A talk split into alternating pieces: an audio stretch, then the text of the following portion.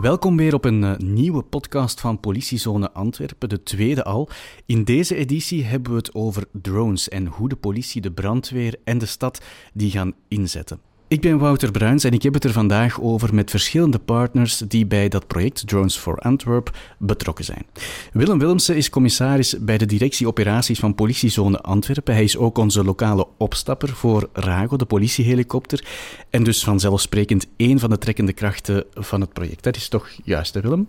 Dat is correct, Wouter, ja. Eh, drones zijn vandaag de dag alomtegenwoordig en ze worden al intensief gebruikt door toeristen, hobbyisten, tv-makers, om er maar drie te noemen natuurlijk, want ook in de hulpverlening zie je ze al geregeld opduiken. Het mag dus geen wonder zijn dat ook de brandweer in het project is ingestapt. En daarom is kapitein, uh, kapitein Mathieu de Blok aangeschoven hier aan tafel om vanuit hun rol meer te vertellen. Welkom, Mathieu. Jij bent ook chef technologie uh, bij de brandweer. Ja, ik uh, ben kapitein. Ik rijd dus mee op interventie als wachtofficier.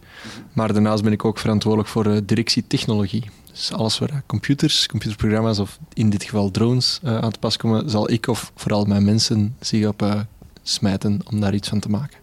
Oké, dankjewel om, uh, om hier bij ons uh, aan te sluiten. Het is ook met dank aan de Europese steun dat we met de stad, de politie en de brandweer aan dat project kunnen werken. Maar natuurlijk zijn wij weinig uh, met experts ter zake in de lucht dus. En Philip de Visser van Drone Matrix helpt ons bij het testen van de verschillende toepassingen. Philip, welkom. Hoe lopen de testen? Ja, dat uh, loopt zeer goed. Wij hebben uh, al enkele weken uh, voorbereiding achter de rug mm -hmm. en zijn sinds enkele dagen ook operationeel in de lucht boven de Sint-Andrieswijk. dat levert niet alleen mooie plaatjes op, maar ook technische uitdagingen en die, die zijn tot heden zeer goed verlopen. Het is een hele uitdaging, denk ik. Ja, absoluut. Het is uh, een technologische uitdaging omwille van de communicatie boven een, een, druk, uh, een drukke stad zoals Antwerpen. Mm -hmm. uh, maar het geeft ook een totaal ander perspectief van waar dat je aan het vliegen bent. wij zijn afkomstig uit Diepenbeek. Wij doen al onze testen daar, ook in Dronepoort, op de oude luchthaven. zeer wijds en zeer landelijk. En dan is het hier toch wel uh, eventjes iets anders. Ja, oké, maar ik, ik, stel voor dat we beginnen uh, bij het beginnen. Het, het, project kreeg de naam Drones for Antwerp. Maar wat moeten we ons daar eigenlijk concreet bij, bij voorstellen, Willem? Wat betekent dat bijvoorbeeld voor de politie? Voor de politie kan het heel wat zaken betekenen, maar misschien moet ik inderdaad even ingaan ook op uh, het partnership waar je onderliggend een beetje naar verwijst. We doen het niet alleen met uh, brandweer en politie. De stad is ook nog een belangrijke partner om erin te betrekken, omdat we een gezamenlijke nood hebben. En die nood is een heel eenvoudige manier om op een snelle manier een beeld te krijgen van wat er zich op de grond van onze stad afspeelt. En dat is wat we nu samen proberen te doen, een platform creëren dat daarvoor kan zorgen. En de absolute meerwaarde voor de politie is dan ook dat we onze heterdaadkracht kunnen gaan verhogen. Wat bedoel ik nu met die heterdaadkracht? Heel wat van onze tussenkomsten spelen zich af op het openbaar domein. We hebben wat camera's op de grond, we hebben mobiele camera's die we kunnen ter plaatse sturen. Maar er zijn ook plaatsen nog altijd waar we geen camera's op hebben, of mensen nemen de vlucht en gaan zich ergens uh, verstoppen. Daar hebben we nog altijd wel een gap die dat we kunnen oplossen wanneer we de collega's van de federale luchtsteun ter plaatse vragen. Zij hebben een getrainde crew, goede middelen, maar het vraagt enige tijd natuurlijk voordat de helikopter vanuit Melsbroek tot bij ons is gekomen. Hoeveel, hoe lang duurt dat voordat die in Antwerpen zijn? Het hangt ervan af natuurlijk waar dat ze zich bevinden, maar um, zijn ze vlakbij kan het heel snel gaan. Um, maar gaan we ervan uit dat ze misschien op de basis zijn en nog moeten opstarten en de luchtverkeersleiding in uh, Brussels Airport toelating vragen om op te stijgen. Dan moeten we toch wel een 20 minuutjes rekenen, uh, waarbij dat we dan over de beelden kunnen beschikken op onze commandokamer.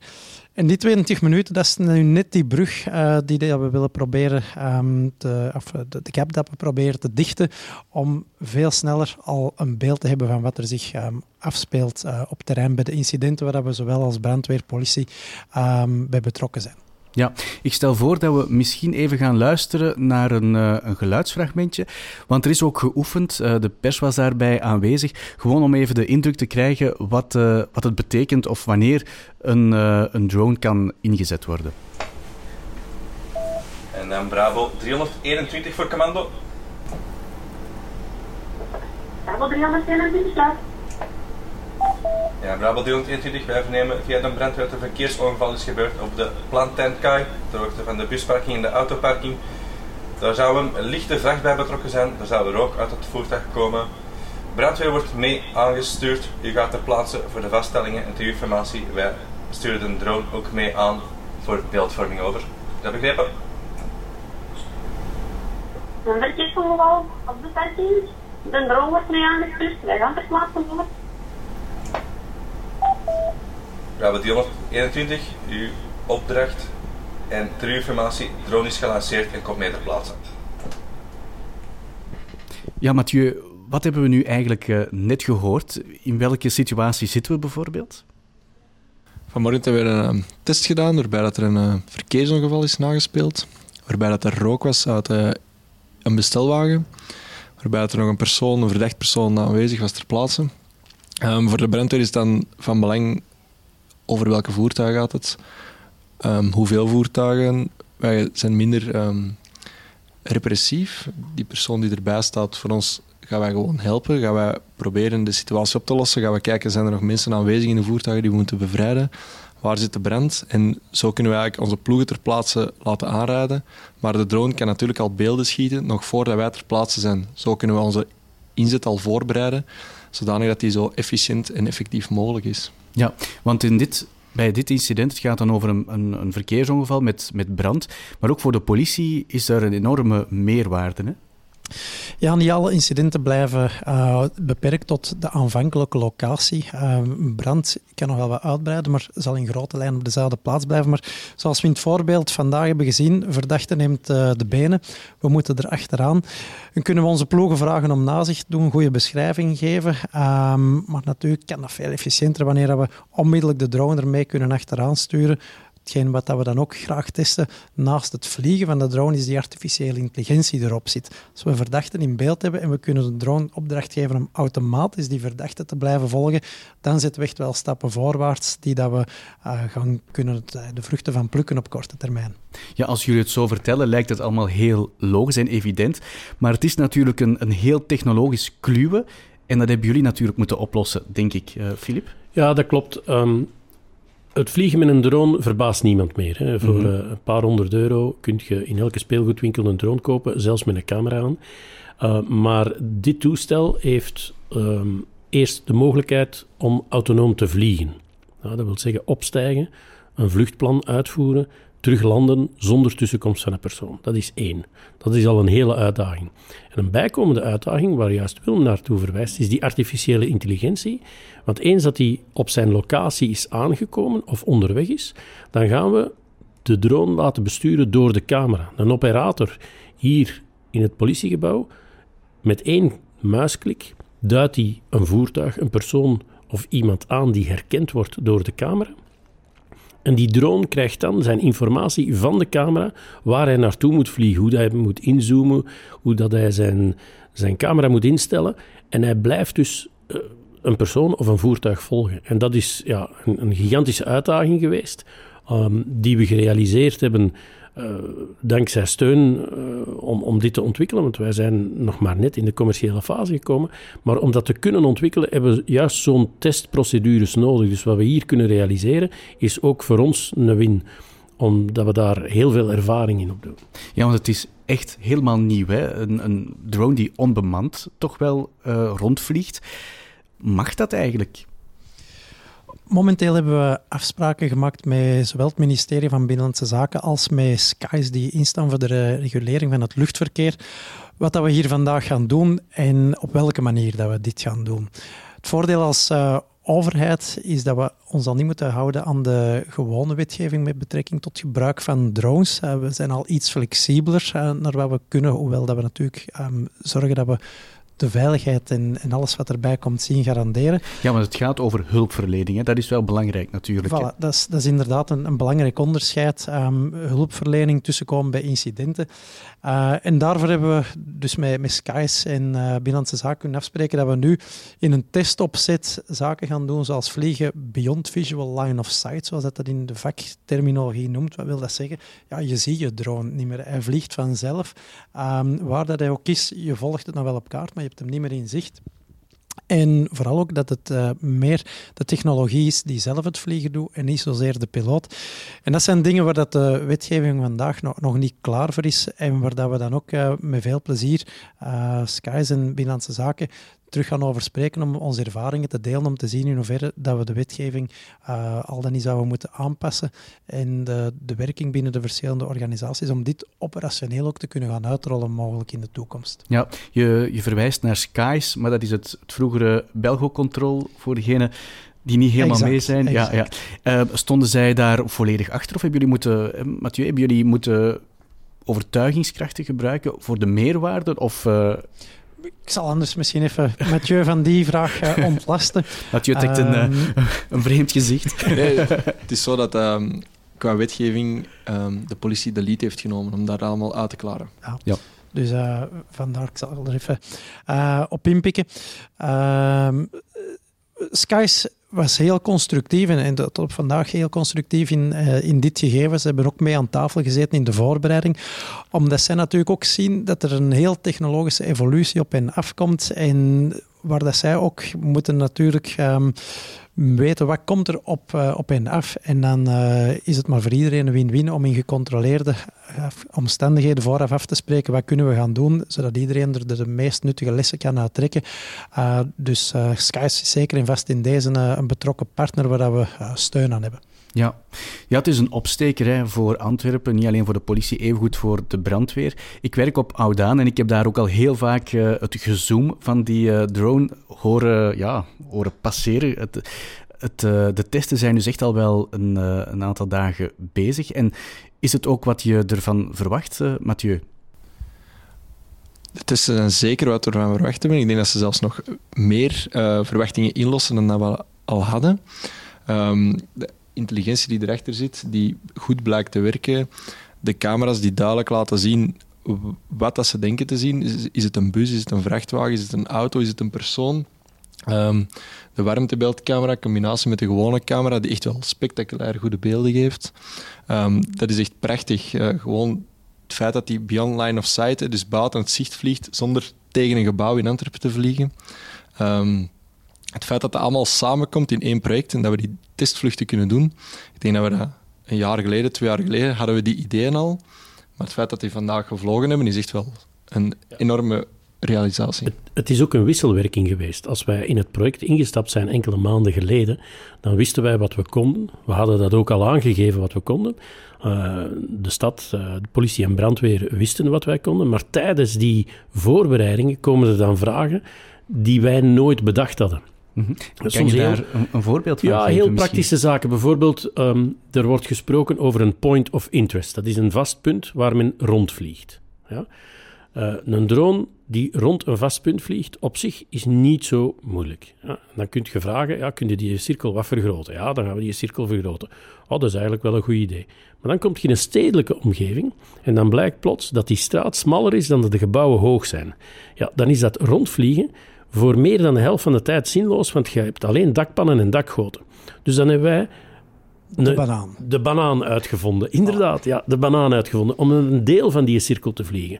Dan komen we in een straat die nog smaller is. En dan hebben we de komkommer uitgevonden, want dan hebben we recht gevlogen boven die straat. Nee, maar dat zijn zaken die mensen die bij ons in opleiding kwamen van de politie, en voorbereidende vergaderingen, waar dat heel praktische vragen werden gesteld, waar dat we van dachten, ja, technisch is dat wel mogelijk, maar het zit er nog niet in. En dan hebben we het voordeel gehad met een kleine ploeg te kunnen werken, heel nauw kunnen samenwerken met uh, de, de mensen van brandweer en politie met hun vragen en kort op de bal kunnen inspelen. Dus wat wij vandaag en de voorbije dagen en de komende dagen gaan testen, dat zijn voor de helft zaken die drie maand geleden nog niet bestonden. En dat is ook nu net het leuke aan de doelstelling van het European Innovation Program, uh, Urban Air Mobility, waarbij dat de industrie gechallenged wordt door de overheid. De overheid die uh, een latere potentiële eindgebruiker is. Die uh, van in het begin aan de industrie kan meegeven van ja, we willen dit en dat en dat kunnen doen. Waarbij het, uh, de industrie knappe koppen in huis heeft die perfect weten als vliegtuigingenieur en anderen wat dat ze op vliegtechnisch vlak kunnen doen. Uh, maar gelijk dat Filip aanhaalt, um, ja, boven een testveld volstaat een cirkel vliegen, maar wij moeten naar de banaan of de komkommer evolueren. En um, dat is nu juist het leuke van dat format om op deze manier te kunnen samenwerken. Ja, er is uitvoerig getest, hè, dat, is wel duidelijk. Um, maar ik kreeg onlangs nog een opmerking, en die kwam ook in de, in de media, dat we soms nogal dichtvlogen uh, bij de bewoning bijvoorbeeld. Hè. Ik, ben, ik heb toen op het hart gedrukt uh, bij de mensen dat we zo hoog mogelijk vliegen, zo ver mogelijk van de huizen blijven. Daar hadden we het uh, onlangs nog over, jij en ik, Willem. Ehm, maar we kunnen toch wel iedereen geruststellen dat bijvoorbeeld met de vergunningen, dat alles in orde is. Het is niet omdat wij de politie zijn dat we op een andere manier kunnen werken, denk ik toch. Genuanceerd antwoord. Um, we werken we veilig? Ja, zo veilig als mogelijk. Het blijft natuurlijk luchtvaart. Er kan altijd iets fout gaan.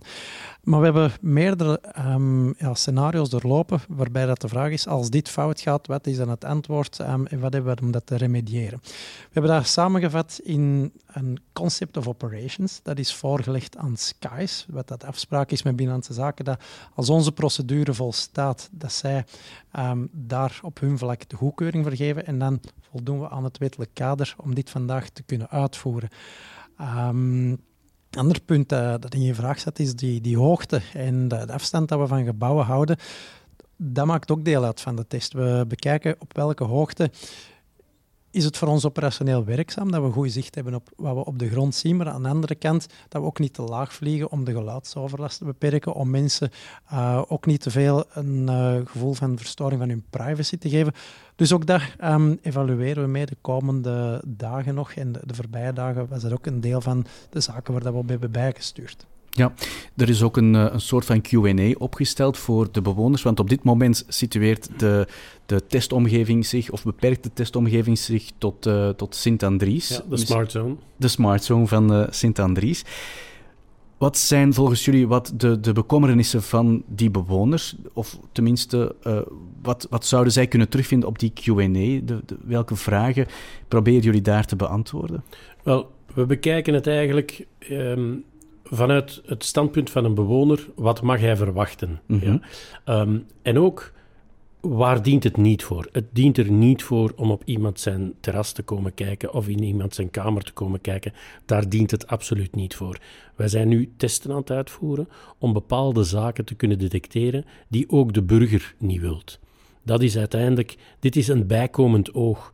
Dit is, uh, het, het gaat zelfs verder. Op een bepaald moment zou men met een drone een verdacht voertuig kunnen volgen zonder andere voertuigen in gevaar te brengen. Als dat met een sirene moet, dan moet dat.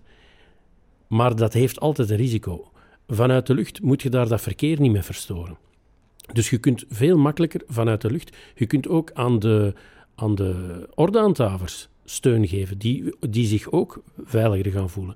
Dus ik denk dat die technologie misschien wel nog nieuw is, hè, alhoewel dat drones stilaan ingeburgerd worden kijkt iemand ernaar als, oei, wat, wat kan ik daar negatief aan doen? Maar dat is zoals de eerste trein. Hè. De koeien zijn ook niet gestopt met melk geven. Um, en die een drone gaat nu ook niet dienen om te kijken wie er op zijn terras zit met of zonder kleren. Daar gaat het niet over. Het is zo voor de testen dat er ook niet zomaar wordt rondgevlogen met de drone. De drone wordt gedispatcht naar een interventie, dus die wordt uitgestuurd naar een bepaalde locatie waar een incident zich heeft voorgedaan. Dus een burger heeft gebeld. Hier is een verkeersongeval gebeurd bijvoorbeeld. En die drone wordt daar naartoe gestuurd. Die drone gaat niet mensen controleren inderdaad op hun terras of wat ze aan het doen zijn.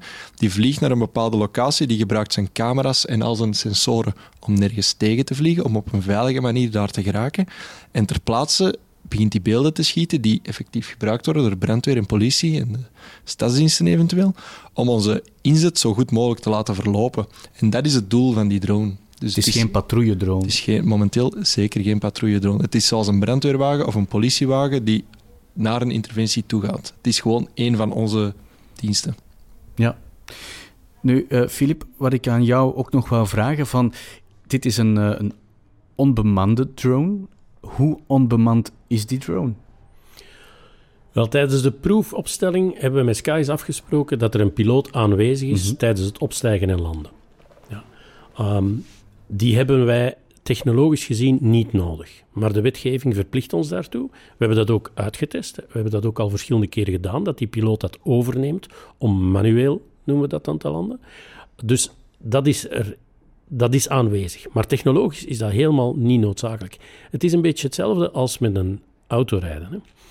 Als er 100 mensen een ongeval hebben, denk ik niet dat er heel veel ongevallen gebeurd zijn omdat de auto iets fout gedaan heeft. Het is de bestuurder of zijn omgeving die in de fout gaat. En met een drone vliegen is het net hetzelfde. De technologie is zo razendsnel en zo verfijnd dat hij dat veel beter kan dan een piloot.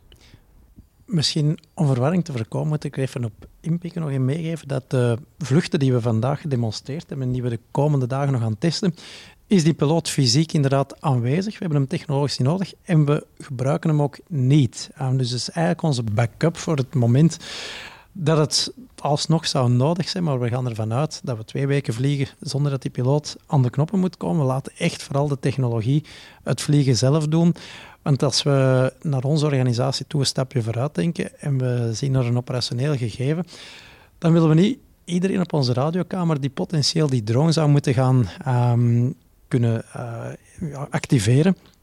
Um, dat die mensen allemaal een pilotenopleiding voor drones zouden moeten gaan volgen. Dat zou heel intensief zijn, zou redelijk belastend uh, en kostelijk zijn voor onze organisatie. Dus we willen daar vooral op de software inzetten, die daar zo doorgetest is en uh, zo betrouwbaar, dat die het nodige kan doen. En als er toch iets valt, dat het systeem zelf weet um, wat te doen. Dus die, die piloot is er nu nog fysiek, doet niks. En um, dat is ook hetgeen waar dat we zeker in de toekomst ergens voor, uh, vanaf willen wat dat drones betreft, toch zeker.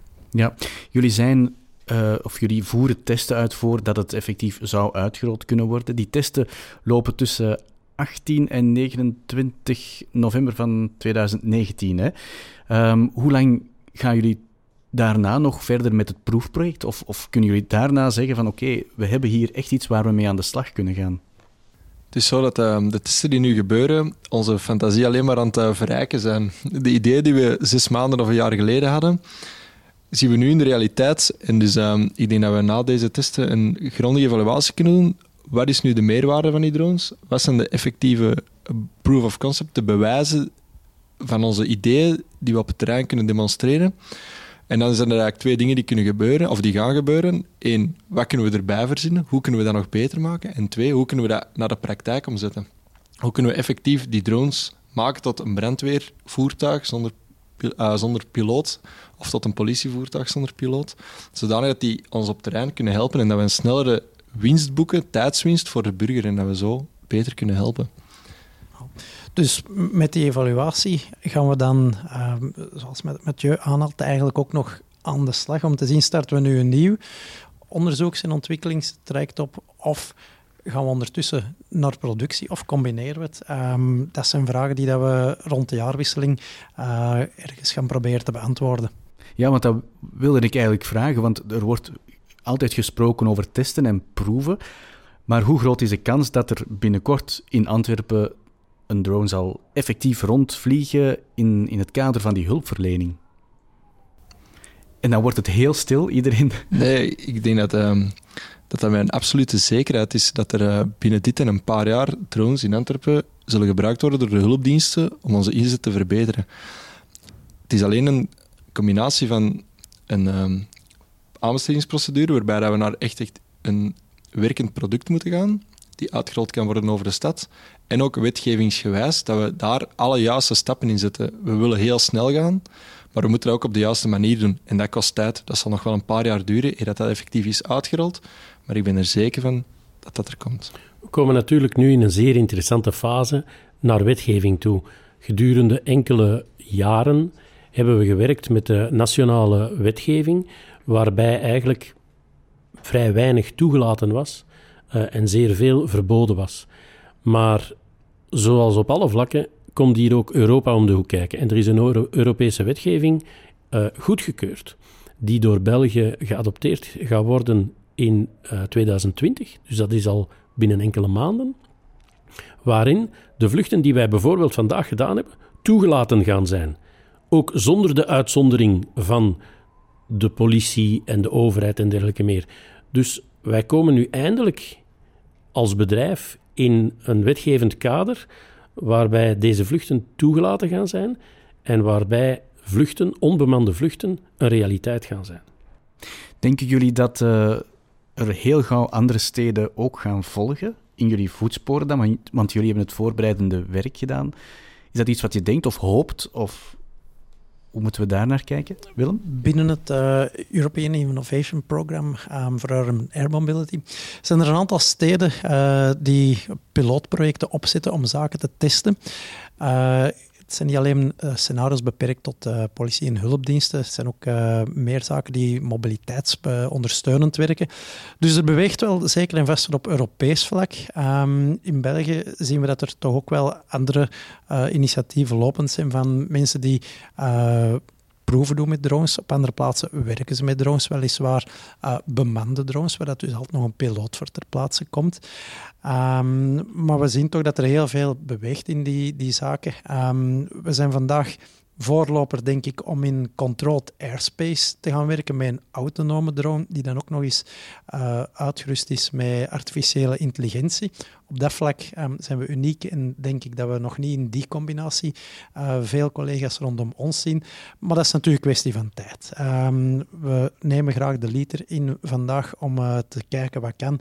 En we delen graag onze ervaringen ook met al wie hierin geïnteresseerd is. En dan volgt de rest wel op min of meer korte tijd. We, we zullen het wel zien. Ik denk dat de interesse van andere steden zeer groot is om ook um, soortgelijke projecten uit te rollen. Ja, zeer zeker. Wij doen uh, momenteel vluchten in Oman, uh, in Singapore, um, waar de wetgeving deze zaken al wel volop toelaat. Dus uh, daarom staan wij ook al zo ver met die technologie, omdat we daar met die inkomsten van daar ook deze projecten kunnen financieren. Um, dus uh, ja, we kijken er naar uit om uh, in andere steden te herhalen If you can make it in Antwerp, you can make it anywhere. dat is mooi. Ik denk dat dat een mooie is om het, uh, om het uh, hiermee af te leggen.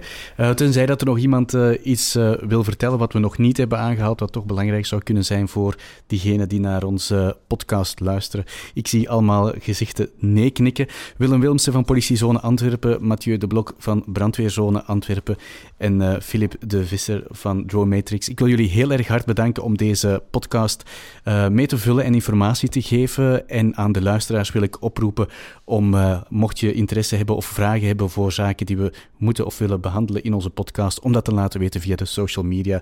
Dat kan via Twitter, Facebook en Instagram. Bedankt voor het luisteren en tot een volgende keer.